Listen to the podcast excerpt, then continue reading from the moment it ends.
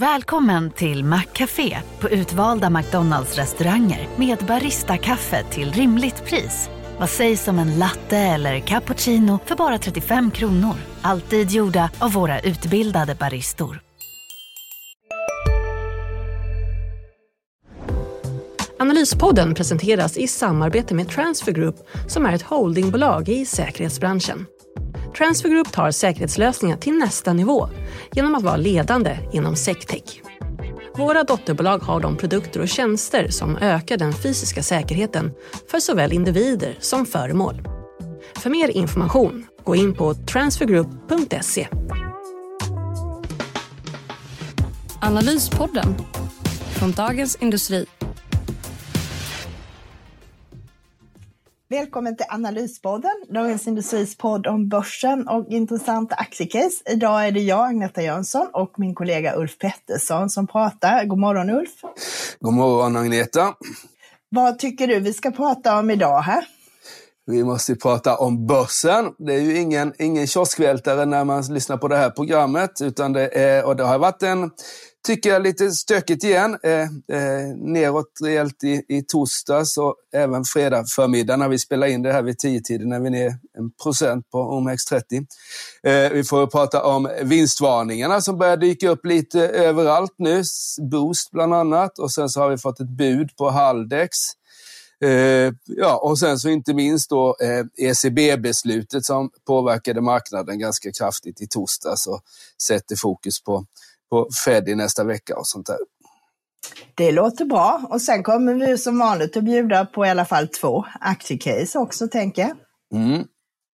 Nu sätter vi väl igång. Börsen är öppen och klockan är tio och det är fredag eh, som vanligt. Och eh, som, som, du sa så börjar vi lite negativt idag också. Vi är ner här nästan exakt en procent. Så på veckan är det ner 2,5 procent trots att vi bara har kört eh, fyra dagar.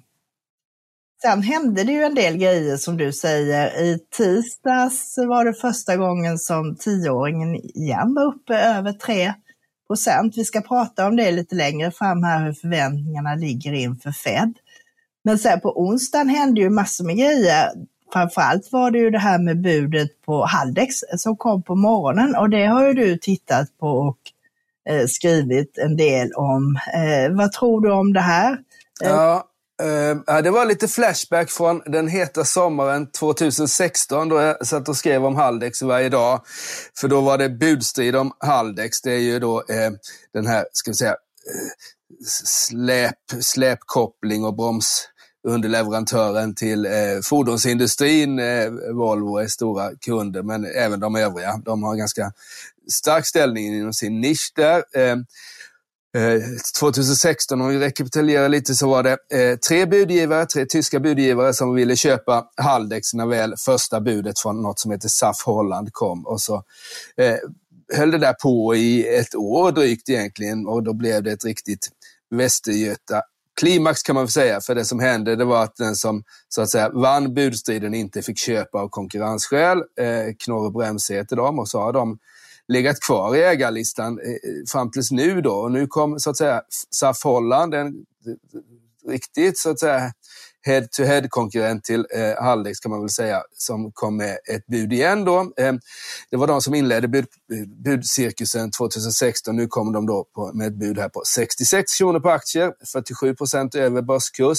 Men om man justerar för eh, eh, emissionen som Haldex tvingades göra under precis i början av pandemin här våren 2020 så är det ungefär en miljard kronor, 25 procent lägre eh, än, än förra budet. Då. Eh, men det verkar som att det här går igenom trots att det är en miljard lägre. För de andra budgivarna som var intresserade förra gången, eh, ZF, eh, får inte köpa för de har köpt en annan större konkurrent till Haldex i USA här under tiden. Och Knorr Bremse fick ju inte för, köpa förra gången och kommer inte få köpa denna gången heller. Det insåg Knorr Bremse så de sålde faktiskt sin aktie till SAF Holland.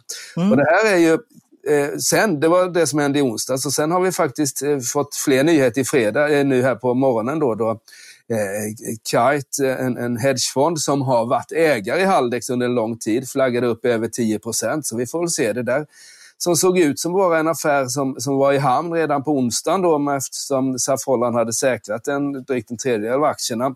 Antingen direkt eller genom så att säga, eh, överenskommelse med ägare. Eh, får vi se vad som händer. Eh, Eh, SAF Holland har tittat på, de har liksom aldrig släppt Haldex, men har väl liksom eh, tyckt att Haldex, trots att Haldex har gått väldigt dåligt sedan den här budkarusellen 16-17, så har den väl ändå ansetts så att säga inte riktigt köpvärd om man ska lägga på en rejäl budpremie. Men nu här under våren så kom aktien ner rejält. Den liksom handlades på 55 spänn, Haldex-aktien, och sen så kom det en riktigt svag eh, Q, Q4 och sänkte aktien till 40 spänn och så har den havererat där, eh, eller havererat, men har, den har legat där eh, tills det här budet kom då. Och då, då går det att räkna hem för det är ganska lågt, låg, låg värdering på det här budet. Men, eh, men eh, å andra sidan så, så är liksom historiken lite vad den är också. Så jag tycker att 66 spänn var väl ganska skäligt, men det verkar inte de här Kite tycka då som har flaggat upp och det gör man väl bara av en anledning, att man vill ha ut lite till då för aktien. Ja, så din syn är egentligen att du tror att det kan gå igenom den här konen ökar osäkerheten lite? Absolut. Det är lite axisläge eller sådär får man väl säga. Liksom att, och vi får väl se hur, hur, hur SAF Holland agerar nu. De har ju förbundit, de har ju, liksom, de har ju vissa kriterier för det här budet att de ska nå 90 procent. Ehm, eh, och det kommer de ju inte göra om inte Kite lämnar ifrån sig sina pengar. Eh, de har också skrivit ganska tydligt att det här var ett, ett definitivt bud och att ingen höjning kommer ske. Så ja, det där är, nu ökar osäkerheten helt plötsligt kring vad som kommer hända. Men det kan bli grejer också. Jag hittade en sån här gammalt utlåtande från aktiemarknadsnämnden. Det var motsvarande position i något som heter Readsoft eh, för några år sedan. Eh, och då eh, hamnar de i samma läge med en sån här cornerposition. Men det man sa då att man kunde göra enligt de här take-over-reglerna är att man kan dra tillbaka det och sen får man återkomma med ett nytt bud och det får då göras inom kortare tid än 12 månader. Så det är ju en variant så att säga om de eh, vill komma ur eh, Ja. Det, det finns det ingen, jag har för mig att det finns en tidsgräns på sex månader, men det finns inte då efter vad du förstår? Eh, här satte de ingen gräns. De säger att de får återkomma kortare tid inom 12 månader om budgivaren erhåller målbolagsstyrelsens rekommendation för det nya erbjudandet. Eh, så att, eh, men man ska inte gå och handla på det jag säger här, men jag tror att det kan finnas öppningar att komma runt för att inte låsa hela positionen så här länge. Det vore ju ganska oskäligt. Ja, som sagt var, vi får, vi får se. Liksom. Jag, jag, som sagt var, jag skulle inte betta. Jag ser att aktien då, halvleksaktien står i 65 spänn här nu. Eh, budet var på 66. Eh, den är inte särskilt påverkad idag på fredagen efter den här nyheten. Eh, eh jag skulle säga att, att jag hade jag hade varit beredd att köpa liksom Haldex på 65 spänn igår då och tjäna den här spännen eh, så att säga framöver. Men nu tycker jag att osäkerheten har ökat och jag är inte alls säker på att SAF Holland vill höja höja det som vi vill där. Så jag, jag, det, jag, den är inte köpvärd på 65,80 nu bara för att det ligger ett bud på 66. Utan då köper man, ska man liksom spekulera i sånt så skulle jag hellre gå in i, i Swedish Match då på 101 spänn. Där finns ju då Philip Morris som har lagt 106 spänn och det är klart att jag tror att Philip Morris kommer inte liksom backa ur det där. Eh, utan eh, ska man budspekka, vilket är en ganska riskfylld affär eftersom det är lite man kan vinna och mycket man kan förlora om budet inte går igenom, så skulle jag hellre göra det i Swedish Match än i Haldex idag. Ja, och jag måste säga min privata syn att när, får, när man har fått ett så pass skäligt bud i ett bolag som ändå hade haft det ganska motigt, så hade jag tagit pengarna och placerat om dem i någonting annat. Eh, ja. För det är liksom, som du säger, risk-rewarden där är inte så stor och eh, det finns ju många intressanta grejer på börsen nu. Men det ja. man funderar också på är lite om du tror du att det här öppnar för fler så att säga industriella bud. Det är ju inte bara Haldex som är lågt värderade just nu.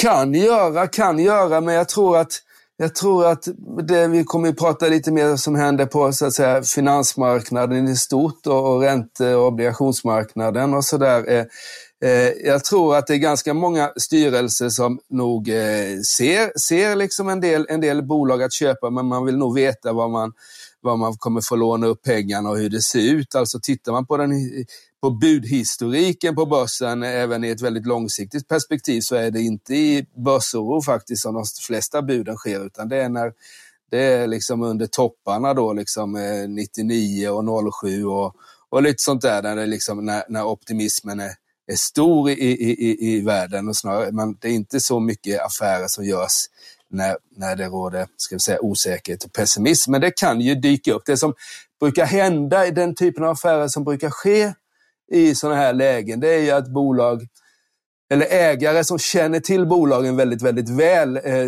ja, då i allmänhet ska vi säga huvudägarna plockar in, plockar in eh, resten av aktierna. Det, det, har man, det har man varit med om. Sådär. Man, vi kan ju notera då att exempelvis eh, Rune Andersson har ökat lite grann i, i Academedia och sånt där. Det är, liksom, det är den där typen av affärer som kan ske. Eh, men eh, ja, vi får väl se. Men Osvult är bäst, eh, eh, som sagt var. Sen så tycker jag mig ha märkt också hur, hur sådana här eh, riskkapitalister då, som, som, sitter, som har gjort de flesta buden egentligen, de, de, de är mindre och mindre intresserade av verkstadsbolag. Så här, de vill gärna ha liksom lite lättare, lättare balansräkningar, lite mer strukturell tillväxt än att gå in och, liksom och försöka fixa till Haldex. Eh, dessutom är det en ganska konsoliderad marknad eftersom de som så att säga är tänkbara köpare i ett annat läge från en riskkapitalist, de, de, ja, vilken skulle ta över då? Om varken ZF eller, eller liksom Knorr Bremse får göra det. Då ska man sälja det till SAF Holland igen om ett antal år. Det, ja, eller börsnotera igen förstås. Nej, ja, det, så jag inte riktigt... det finns ju en logik i det där så att säga att ehm, eh, Eh, de inte köper den typen av bolag. Men däremot så händer det ju grejer vad det gäller andra företag som får in stora ägare. Vi fick också nyhet i onsdags att Embracer får in en eh, saudisk i grunden då en statlig fond som storägare med 5% eh, utav aktierna och får betala 10 miljarder för det och dessutom då fick betala en ganska hög premie. Det var ju faktiskt också lite intressant. Ja, det är det. Och det var faktiskt eh, riktigt intressant att, att eh, på flera aspekter. Dels att man så att säga gör en riktad emission eh, eh till, till överkurs, vilket är väldigt sällsynt. Eh, det enda skälet att man brukar göra det egentligen, det är att man vill så att säga ta, ta, ta kontrollen över ett bolag. Eh, Investor kommer jag ihåg, eh, när de gick in i Wärtsilä så betalade de överkurs på en sån här riktad emission eller så. Eh, eller när de kom över de där aktierna. Men, men eh, och, eh, ja, vi har sett lite sånt där. Jag vet att Mekonomen, huvudägaren i Mekonomen också köpte in aktierna till överkurs. Men ändå, en, en passiv investerare brukar ju vilja ha rabatt, men här var det faktiskt över 10 premie.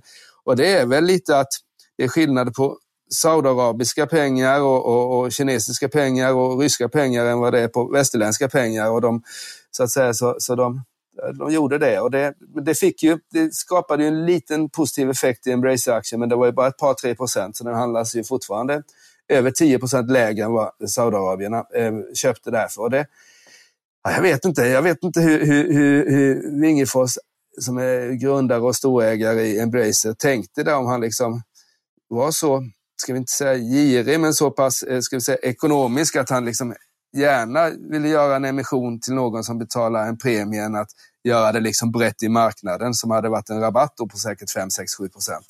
Vi får se hur, det som är intressant nu är ju hur, hur övriga ägare agerar här, alltså eh, Alecta och sådana där, om de, om de liksom vill sitta kvar i en båt tillsammans med den nya storägaren eller om de väljer att kliva av här av några slags skäl. Och det där är ju mer ett politiskt beslut än ett ekonomiskt beslut. Och det, ja, är snarare ett ESG-beslut skulle jag nog ett säga. Ett ESG-beslut får man väl säga, ja, precis. Mm. Och, och, och, sådär.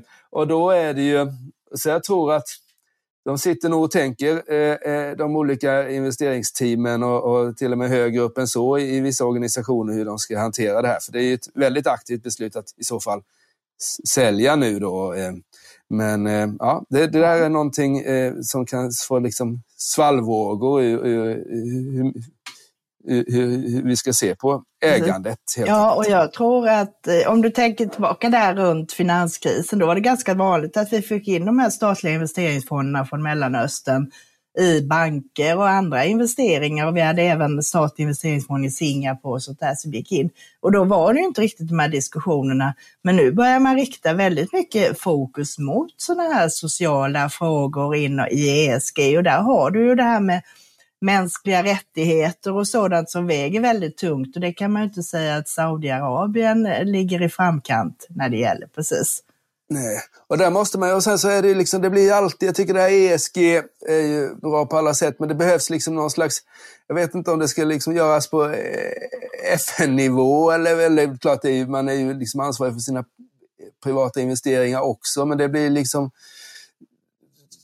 en del kommer att agera på ett sätt och en del på andra och, och sådär. Jag vet inte, det är ju, ja, det, jag har inte riktigt satt ner foten huruvida jag ska huruvida, om, om jag hade eh, suttit i en roll där jag varit, ägde massvis av Embrace-aktier som eh, pensionsförvaltare och jag hade hanterat det här. Det är ju, det är ju sådär. Vi kommer ihåg hur Christer Gardell eh, eh, sålde massvis av aktier till eh, eh till Geely då, eh, last, lastvagns-Volvo. Eh, och sådär. Så det, det är liksom, och det där är ett jättestort beslut och det, det kommer ske, skulle vi få en rejäl nedgång nu, eh, låt säga liksom att, att, att, att de här ränteuppgångarna knäcker ekonomin fullständigt. Då är det ju inte så många där ute som, då torkar ju kapitalet upp rejält, men där det är fortfarande är så att säga eh, eh, eh finns mycket kapital i en sån situation, det är ju de här eh, eh statligt kontrollerade eh, fonderna från Singapore och Saudiarabien och Abu Dhabi och de där. De,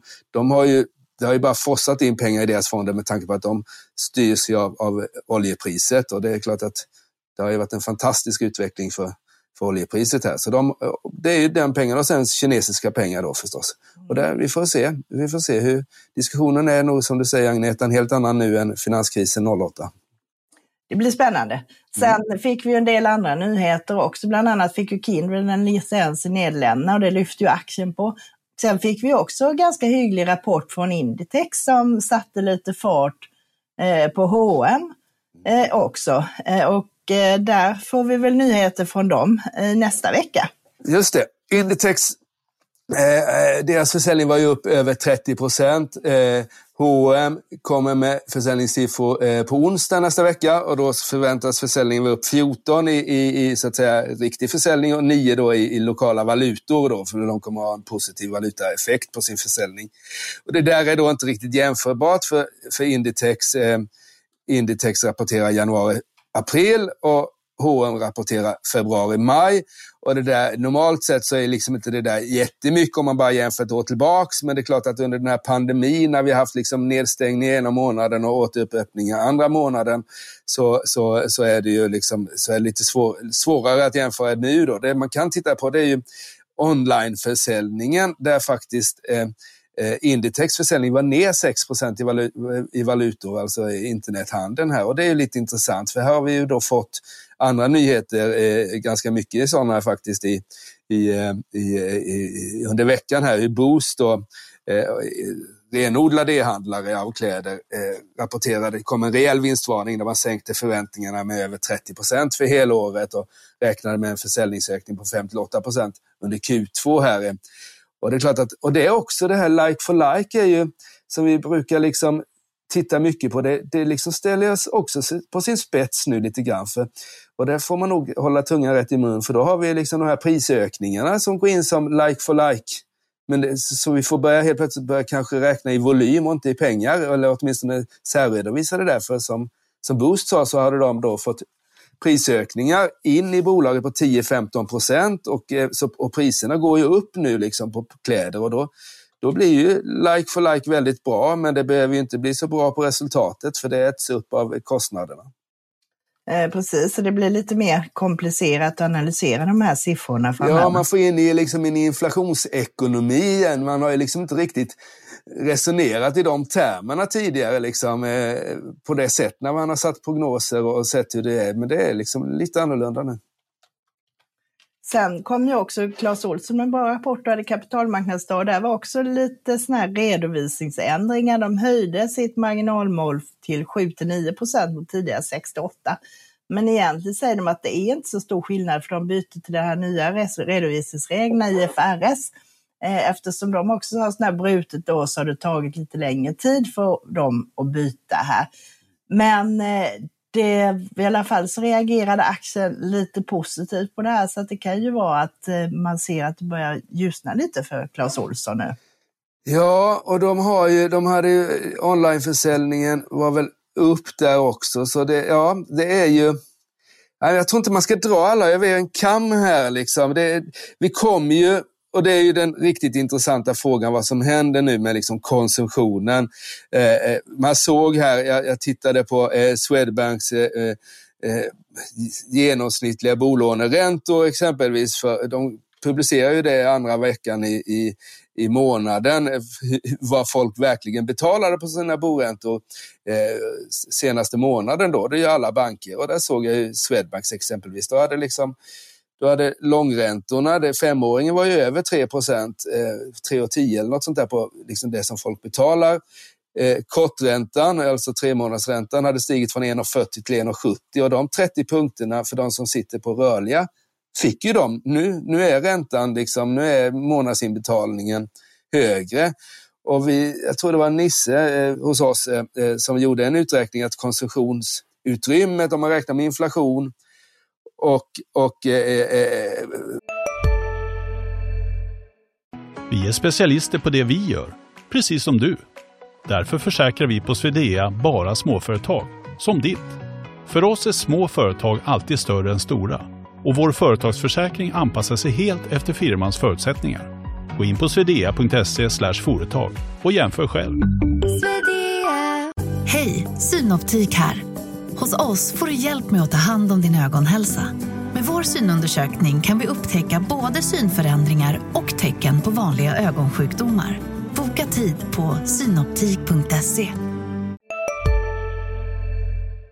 Räntehöjningen så skulle det ta bort 70 miljarder i konsumtionsutrymme för, för svensk allmänhet och det är ganska mycket pengar. Så frågan är vad man kommer plocka, det var dit jag skulle, vad man kommer liksom skära ner på, vad man kommer bibehålla då. Och det är klart att Clas Olsson kanske sitter i en sån sits där man liksom ändå kommer sälja hyfsat. Liksom. Det, utan det som tar stryk är mer sällanköpsvaror, kläder som inte är, är, är, är nödvändigt så att säga. och så där. Ja, Det är spännande. Vad tror du? Hur kommer du konsumera din allt magrare plånbok, Agneta? Ja, det är frågan. Jag tror inte jag kommer att konsumera huvuddelen hos Clas Ohlson i alla fall. Det är inte riktigt de prylarna. Du är ingen, du är ingen stor kund där? Jag är inte så händig så jag har så mycket behov av det, men en del andra grejer. Men eh, jag har ju också hållit på en hel del med det här eh, nu. Dels eh, med, om vi tittar på det här först med det här med räntorna, så fick vi ju faktiskt igår då en att ECB lämnade ju som väntat räntorna oförändrade, men däremot var de väldigt tydliga i sin kommunikation och flaggade för att de höjer en kvarts procent i juli och att de öppnar för en större höjning i september om inte inflationen minskar. Tidigare har det varit snack lite om att det kunde bli 50 punkter redan i juli och att man då kunde lämna minusräntan i ett steg. Men det är ändå nu ett stort steg, för det är första gången på med över tio år som de faktiskt gör en höjning. Eh, tittar man lite på prognoserna här som SEB till exempel tror att ECB ska ha höjt inlåningsräntan till 0,75 innan året är slut. Och det låter ju inte så mycket, men det man får tänka på också med ECB är ju de här att till skillnad mot USA så har vi ju en större obalans mellan de olika länderna i eurozonen. Vi har ju Italien till exempel, där statsfinanserna är ganska ansträngda. Spanien och Grekland ser inte sådär jättekul heller. Vi har ju hela den här tankarna från skuldkrisen där 2012-2013. Eh, så att där är det lite tuffare för dem. Eh, och agera. Och det har ju också varit lite, ta, allting tar lite längre tid och troligtvis så också inflationen innan den börjar vika ner igen eftersom man har mycket stor exponering mot eh, framförallt gas och sådant i södra Europa och där ser det inte ut som priserna vänder ner i brådrasket här. Och det, det, du pratar om nu Agneta tror jag är, jättespännande och kommer vara något som, som kommer liksom prägla mycket av, av eh, debatten här framöver. Hur, ECB då som behöver höja räntan eh, för, vissa, för vissa delar av Europa kan man säga som, som klarar av det och sen så är det andra som om de orkar med det. Tittar man på rörelserna, jag tyckte ECB-beskedet igår. Jag satt klistrad vid skärmen, eh, brukar göra det när det är räntebesked. Och så såg man på första flashen när de inte höjde räntan, så, så vände räntorna ner, marknadsräntorna ner lite grann i Europa, även Sverige. Börsen steg, men det varade liksom till nästa flash, det vill säga en, en minut eller något, när det kom då de här 25, 25 punkter, liksom, det, är, det är skrivet i sten. Eh, och att det var liksom tydligt, tyckte jag ändå att det lät som en 50 punkters höjning i september. Och då, det som hände då att börsen vek ner, vi var ner, eh, eh, tappade en bit över 1 procent eh, från beskedet fram till slut. Eh, och de på räntemarknaden så steg, steg eh, räntorna 10 punkter på tyska räntan och ännu mer på de här italienska och spanska räntorna. Och tittar man nu på räntorna i, i exempelvis Italien så är det 3,70 på en tioåring där medan det är 1,40 i Tyskland. Och det, att, att liksom, så det är ju inte... De har en centralbank med väldigt många ekonomier och väldigt mycket olika räntor. Och det där kan ju bli, för det kan ju bli som så att om, om man nu om det nu blir en nedgång här i ekonomin, vilket de sänkte dessutom BNP-prognoserna ganska rejält, eh, ECB här, eh, så, så kan det den här eurokrisdebatten kan ju dyka upp igen. Det är liksom inte alls omöjligt. Visst är det så. Och det här är ju ytterligare en pusselbit är ju det här att i början av juli drar ju ner ECB ner på sina stora obligationsköp. Och det ser man redan lite det här. Eh, det påverkar ju också bankerna för att då är antagandena nu, eh, Danske Bank släppte en positiv analys igår för storbankerna. Och det som händer då är ju att ofta att eh, man har ju tidigare lånat nu på företagssidan mycket på obligationsmarknaden, det blir lite tuffare villkor där så är det stor möjlighet eller risk, hur man nu ser det, att lånen flyttar in i bankerna istället och det boostar ju då företagsutlåningen och hjälper till att lyfta bankernas räntenetto. Och även det här steget för ECB från minus till nollränta hjälper bra till för de bankerna som är stora eh, på euromarknaden som du har Nordea, men du har ju även Swedbank och SEB i eh, Baltikum som gynnas utav det. Sen har jag ju pratat också med en eh, chef för regelverken på Europeiska bankmyndigheten EBA, Isabelle Vallion, om en massa saker, men också en del om det här med eh, konsumtionslånen som liksom det har pratats lite om här hemma. Det har skakat lite i Klarna och de har dålig lönsamhet. Det växer på konsumentlån och så, så jag undrar lite om ECB är oroade över det här. Eh, och som läget är nu så är de faktiskt inte det, utan tvärtom så menar hon på att det här med konsumentlån, det är ju ett sätt liksom för konsumenterna att överleva i de här tiderna nu med högre inflation och lite tuffare ekonomi. Eh, och då behövs det sådana här produkter i olika former, även de här nu köp nu, betala senare produkterna som Klarna och en hel del andra aktörer har också. Precis, men det ska ju någon gång ska det ju betalas så att säga. Det är ju liksom ett, ett, ett, ett konsumtionslån, det är ju att man konsumerar det som idag som man skulle konsumera till imorgon egentligen när man hade haft pengar. Liksom. Och det är klart att den där, den där, den där snöbollen kan ju bli större och större och till slut så, så blir den ett problem då, liksom, om det håller på för länge. Liksom. Ja, men sen måste, ska ju bankerna också hålla koll på det där. Du måste ju kreditpröva ordentligt. Och det, det jag ville komma var egentligen, det var där de här 70 miljarderna som Nils Åkesson räknade ut skulle försvinna ur konsumtionen, att det kanske är där de kommer att hämtas istället. Går kylskåpet sönder kanske du inte köper ett kontant utan du köper det genom att du köper det på någon form av avbetalningslån eller kreditfinansiering från Collector eller Resursbank eller ett kreditkort från TF Bank mm. istället. Och eh, det tror jag vi börjar se redan nu för att vi har fått se att konsumentlånen i Sverige ökade 7,7 procent i april enligt eh, statistiken från SCB. Och det är en procentenhet högre än vad det har varit tidigare. Så att här kan det faktiskt vara eh, lite läge i en del av de här och då är det som du säger att det är en balansgång, för folk får ju inte låna för mycket så att de inte klarar av att betala det. Men istället för att köpa en grej för 10 000 på ett bräde, om dina lånekostnader har ökat så kanske du kan köpa en grej för 10 000 och betala av det med 1000 kronor i månaden. Det är mer den typen av grejer som jag tänker mig. Precis. Men varför, varför, har bankerna... Bankerna har ju lämnat den marknaden egentligen, den här konsumentkreditsmarknaden, sedan länge. Varför, vet du varför de gjorde det och lät liksom Collector, alla TF Bank och alla de andra som, som börsnoterades här för ett antal år sedan, liksom tog över den marknaden på något sätt? Dels så tror jag att det är rent administrativt, att det är att hantera smålån om du ska ha stor manuell handläggning är ganska eh, kostsamt. Eh, storbankerna har konsumentkrediter också, men då är det ofta lite större lån. Bland annat har de de här som du kan få om du är med i en eh, fackförening. Eh, där du får låna, jag tror det är 100 000 och ha en lite förmånligare ränta. Så att det finns det också. Eh, du kan dela upp de här i olika grejer. Sen finns det en eh, då att många av de här mindre bankerna har ju som sagt var gjort det här till en mainstream-produkt. Du kan söka via nätet eller där du är i butiken så det går väldigt snabbt och det är enkelt. De tar en kreditupplysning och ser om du har råd med det här och sen är det klart om tio minuter. Så det är mycket det. Så att det gör att du får en stegskillnad i det här. Har du mm. belåningsutrymme på din fastighet, då kanske du utnyttjar det först för det är mm. billigare ränta. Är du en bra kund i en storbank så kanske du tar eh, och lånar där.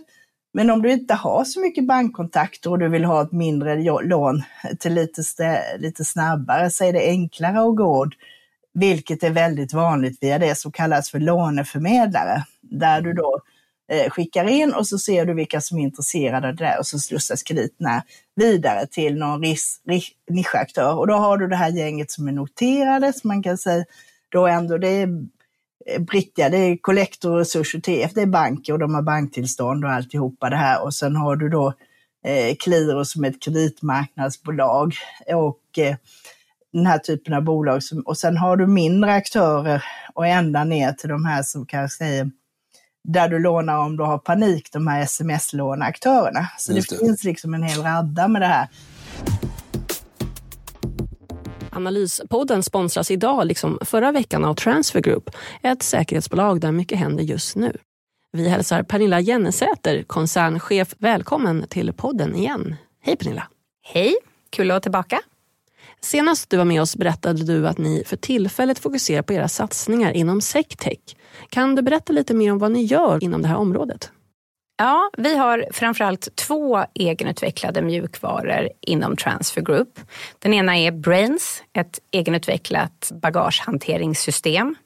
Dessutom har vi en mjukvara som heter Amigo Tools. Det är ett dokument och rapporteringssystem som ska förenkla egentligen arbetet i vardagen i flera olika branscher.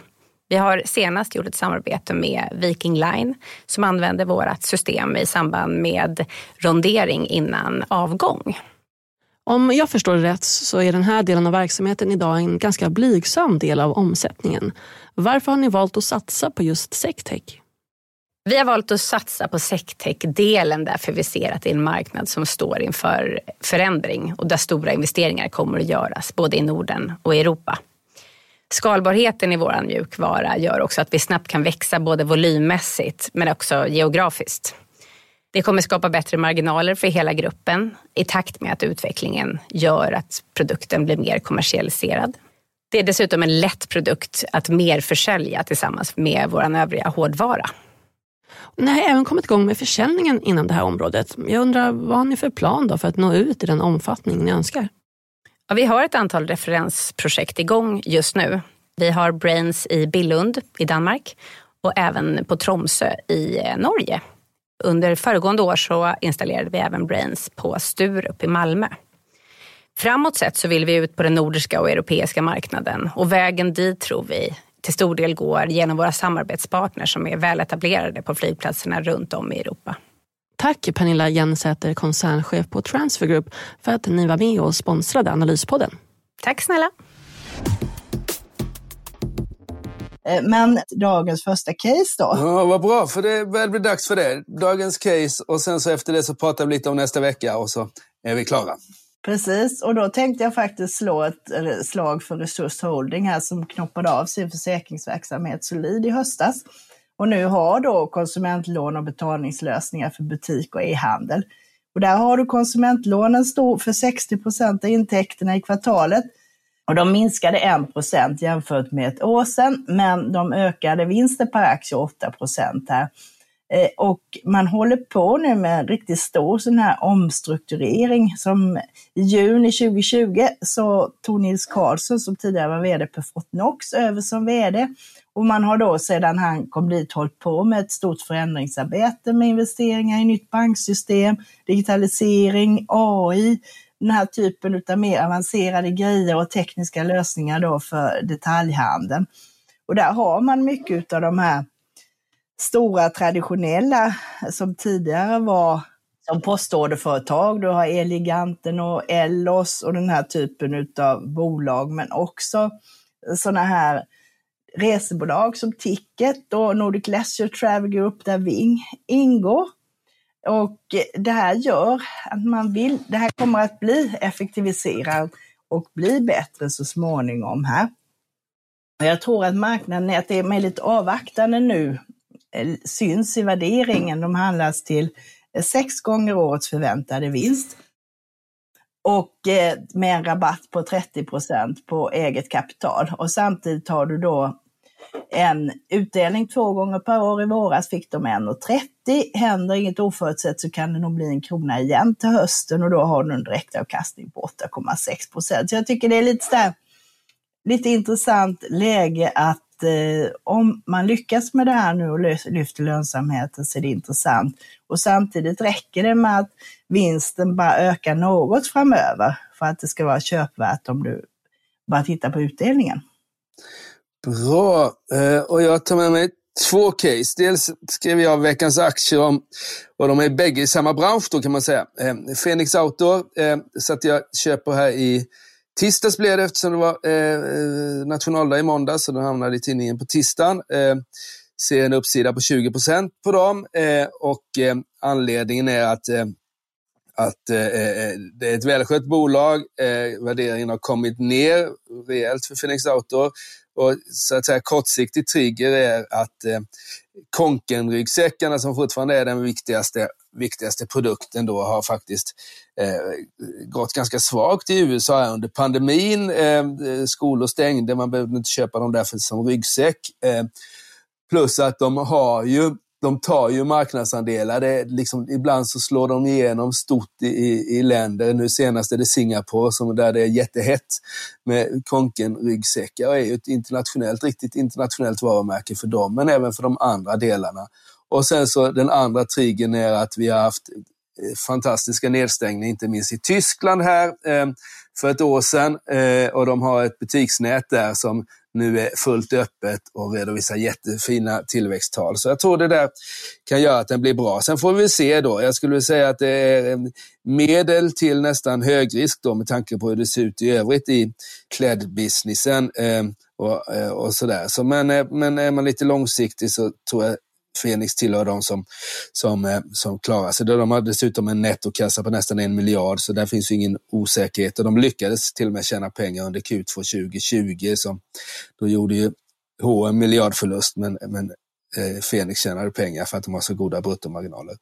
Eh, så det är ena caset. Det andra caset är, är Boost då, som kom med vinstvarningen. Tyckte inte vi han pratat tillräckligt med om det då, att aktien var ner nästan 20 procent på den. Eh, och då är alltid, det är alltid så intressant när, när det blir sådana rörelser. Är det liksom, eh, ska man plocka upp aktien eller ska man liksom låta bli? Eller ska man sälja även om man inte hann sälja liksom tidigt? Och jag tycker, tittar man på värderingen, eh, på, på Boost-värdering efter vinstvarningen på deras egen eh, prognos för 2022 så är det, det var 25 gånger eh, rörelsevinsten, eh, den är nere på 21 gånger rörelsevinsten.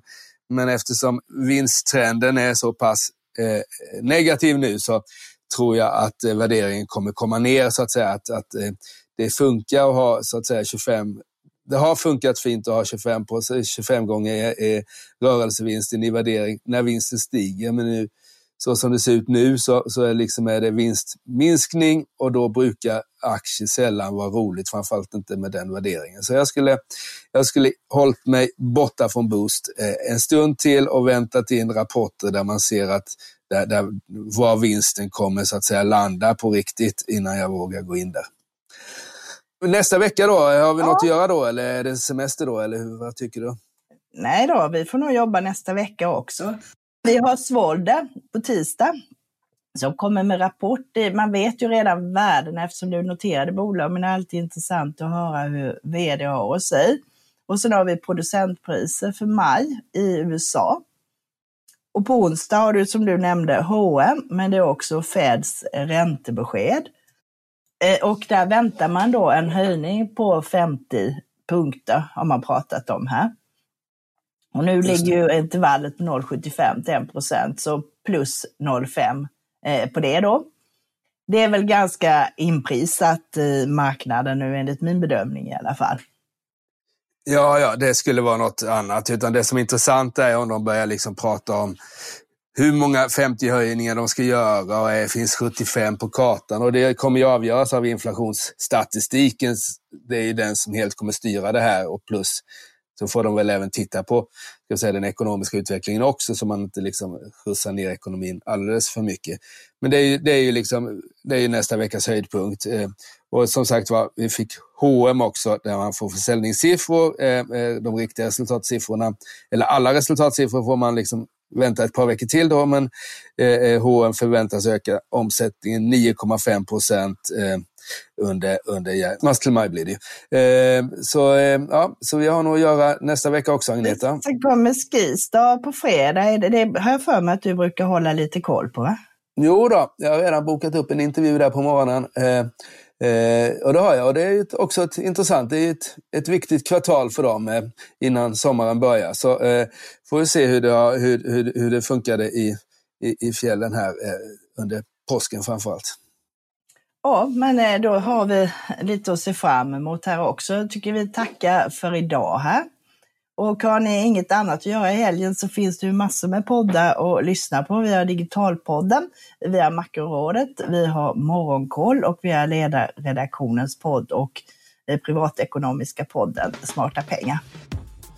Superbra det. Eh, då återstår det bara tacka allihopa och önska en riktigt skön helg. Det ser ut att bli sommar i större delen av Sverige vad jag förstår.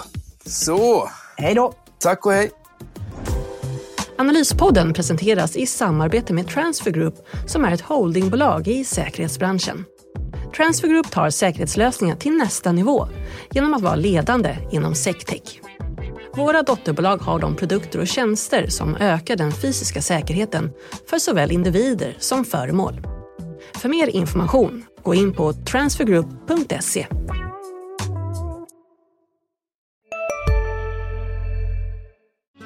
Hej, Susanne Axel här. När du gör som jag och listar dig på en av Krys vårdcentraler får du en fast läkarkontakt som kan din sjukdomshistoria.